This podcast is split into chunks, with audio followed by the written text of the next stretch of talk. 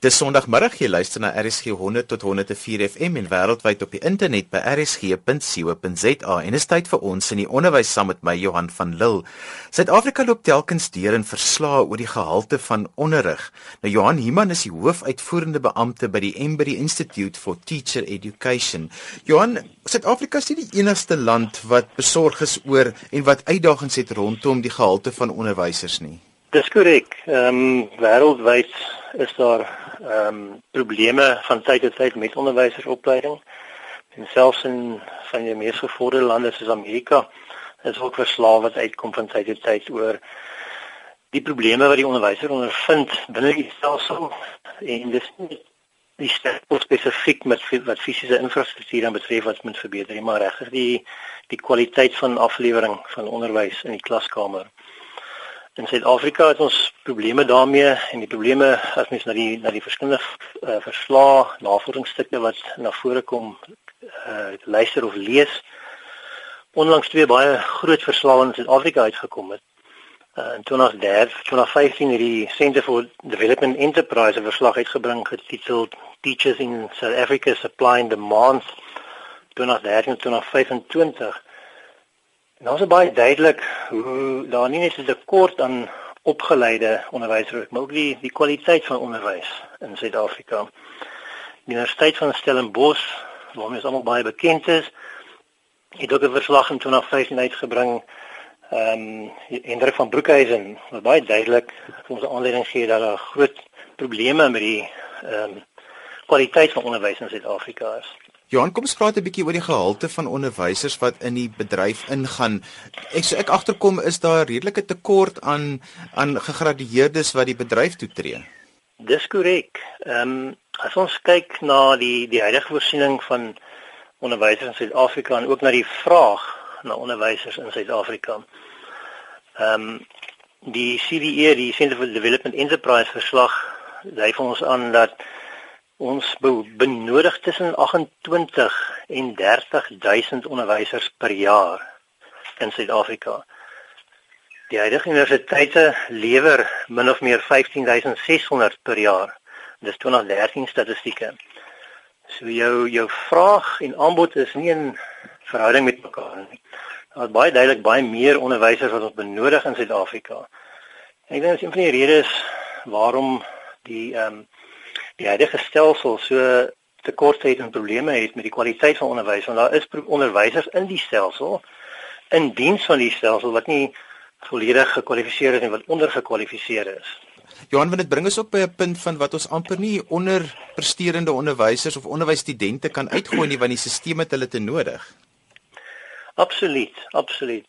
As ons kyk waar ons as 'n land vandaan kom histories in Suid-Afrika, Ek self was vir baie jare betrokke by 'n onderwyskollege in Suid-Afrika.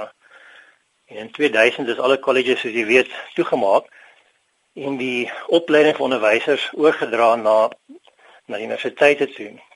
Nou dit per se het sy voor- en nadele gehad. Maar die realiteit is histories was daar soveel onderwyskolleges in Suid-Afrika, apartheid onderwyskolleges wat baie swak presteerders gelewer het.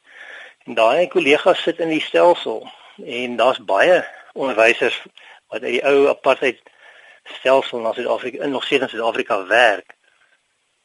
Daai kollegas kan ons nie uit die stelsel uithaal nie. En ek dink dis die hele doel van die van sy se en diensopleidingsprosesse om die bestaande onderwysers verder op te lei en beter op te lei. Johan, wat was die impak van die sluiting van die onderwyskolleges op onderwys in Suid-Afrika? Johan, ek dink Ehm um, as ek mooi na die storie kyk en mooi kyk na die kwaliteit van onderwysers. Jou goeie onderwyskolleges in die vorige stelsel het het goeie afgeronde praktiserende onderwysers gelewer. 'n 3 jaar diploma of 'n 4 jaar diploma onderwyser het het baie teoretiese onderbou gehad, baie sterk teoretiese onderbou, maar ook baie praktiese ervaring gehad. Maar meeste van jou universiteitsonderwysstudente nie in die verlede het nie 'n baie groot komponent van onderwysers op van onderwyspraktikum gehad nie. En ek dink daai leemte was gevul deur die onderwyskolleges waar universiteite tradisioneel nie so groot hoeveelheid tyd afgestaan het aan praktiese onderwys nie. So die sluiting van onderwyskolleges na my mening het onder andere daartoe gelei dat baie onderwysers wat geproduseer word deur die deur die stelsel nie baie groot blootstelling aan onderwyspraktikum gehad het nie. Johan, die die onus lê eintlik op die onderwyser om lewenslange leer vir hulle self toe te pas. Wat is die realiteite rondom dit?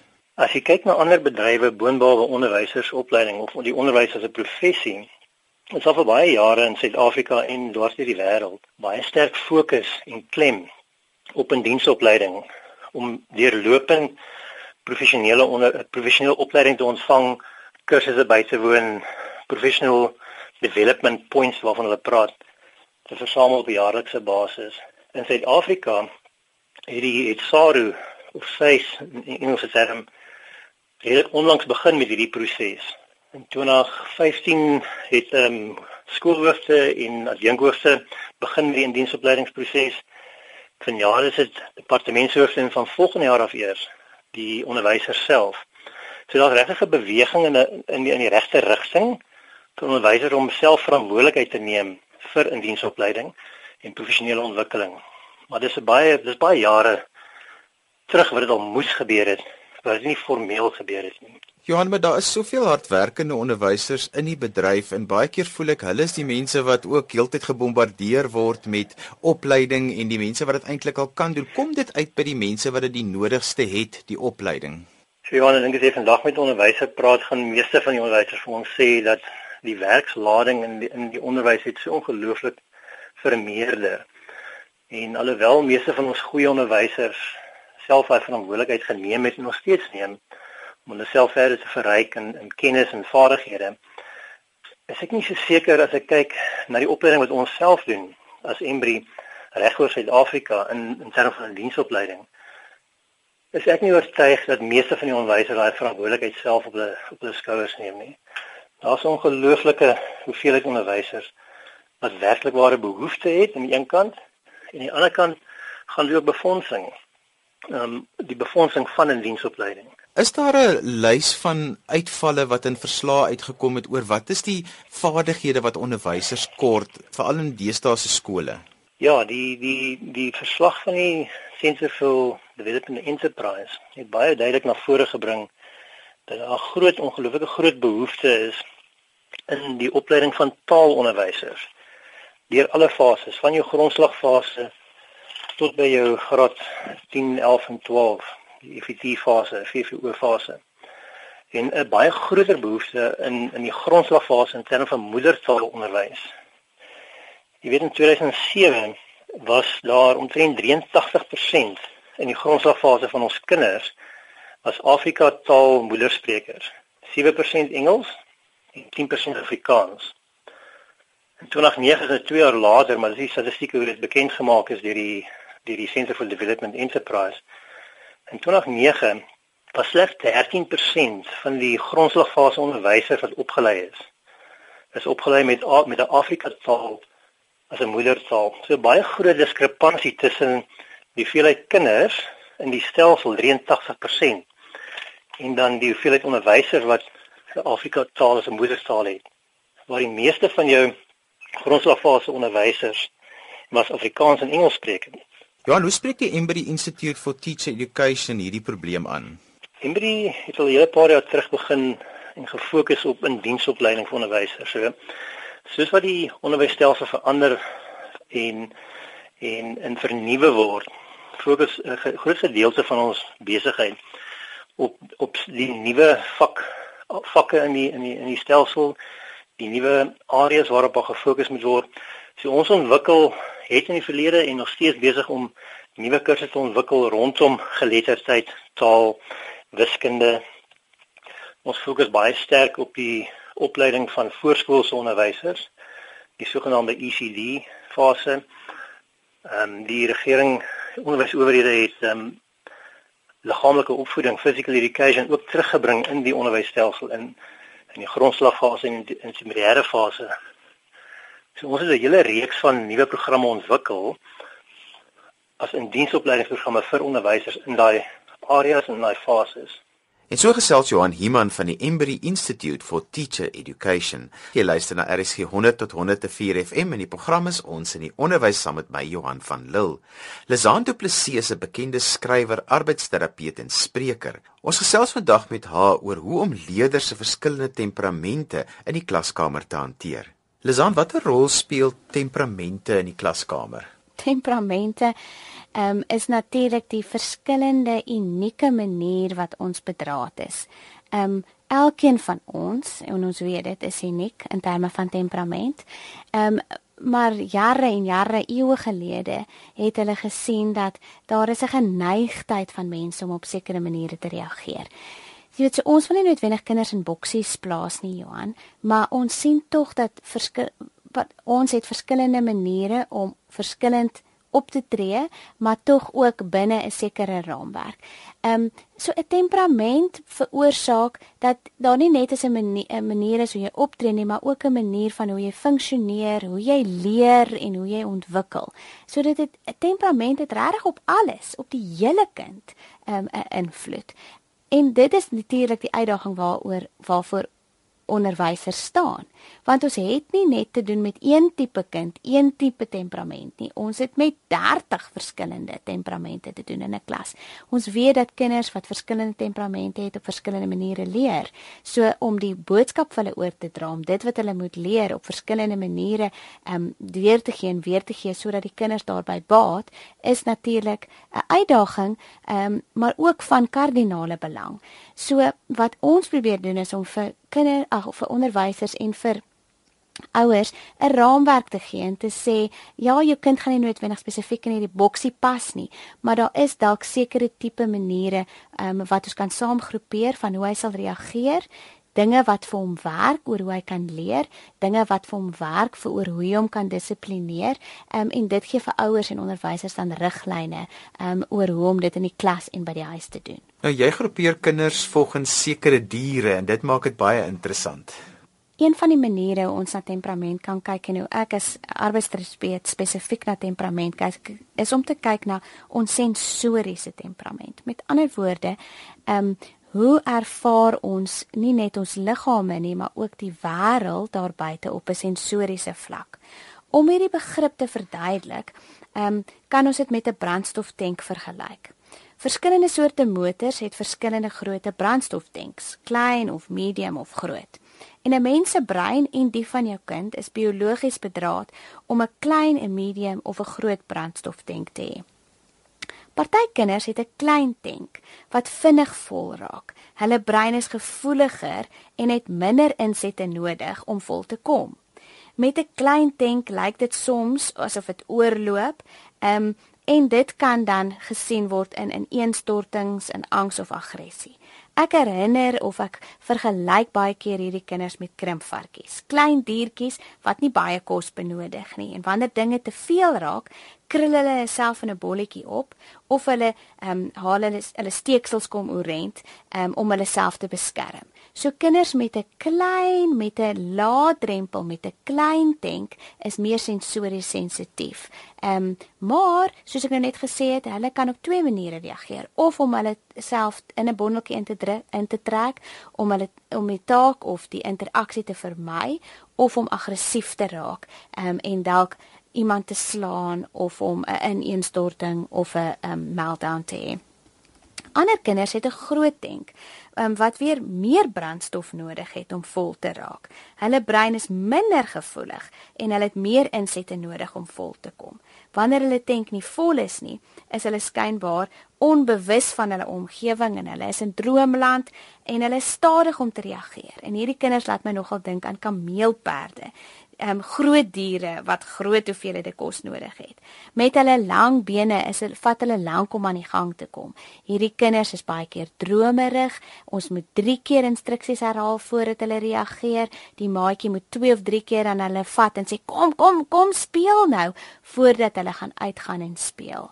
Ehm um, baie keer in die klas is hulle ons maklike kinders, die kinders wat ons nie uitdaag nie. Ehm um, want hulle is sommer net daar. Hulle ehm um, sal nie uitskree nie, hulle sal nie te veel rond beweeg nie. Maar ons moenie van hierdie kinders vergeet nie, alhoewel hulle ons spesifiek in die klassituasie nie uitdaag nie.